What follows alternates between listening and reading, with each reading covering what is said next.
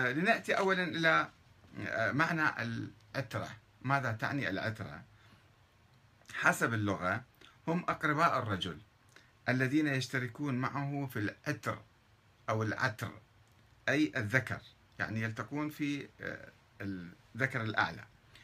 آه، وتطلق على الأبناء وأبناء العم كما يقول الفيروز آبادي في القاموس المحيط. يقول العتر والعتر جمع عتور. جمعها عتور يعني. معناته شنو؟ معناته الذكر الفروج المنعضة والعترة نسل الرجل ورهطه وعشيرته الأدنون ممن مضى وغبر. عشيرته الواسعة بمعنى الأعم. وورد حديث الثقلين بعدة صيغ منها أني مخلف فيكم الثقلين كتاب الله آه، عز وجل وعترتي آه، فقط بهذه الصيغة.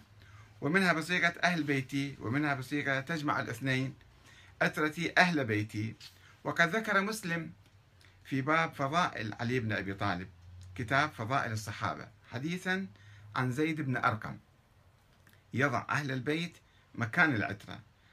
يقول فقام رسول الله قام رسول الله يوما فينا خطيبا بماء يدعى خما بين مكة والمدينة فحمد الله وأثنى عليه ووضع ووعظ وذكر.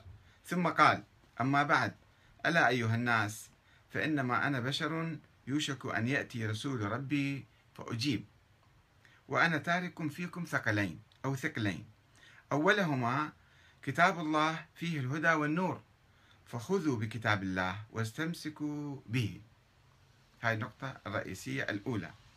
فحث على كتاب الله ورغب فيه ثم قال وأهل بيتي أذكركم الله في أهل بيتي أذكركم الله في أهل بيتي أذكركم الله في أهل بيتي. ثلاث مرات يعني.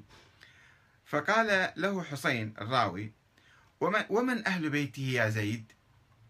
أليس نساؤه من أهل بيته؟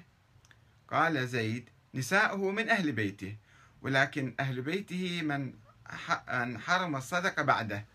الصدقة عليه يعني. قال ومن هم؟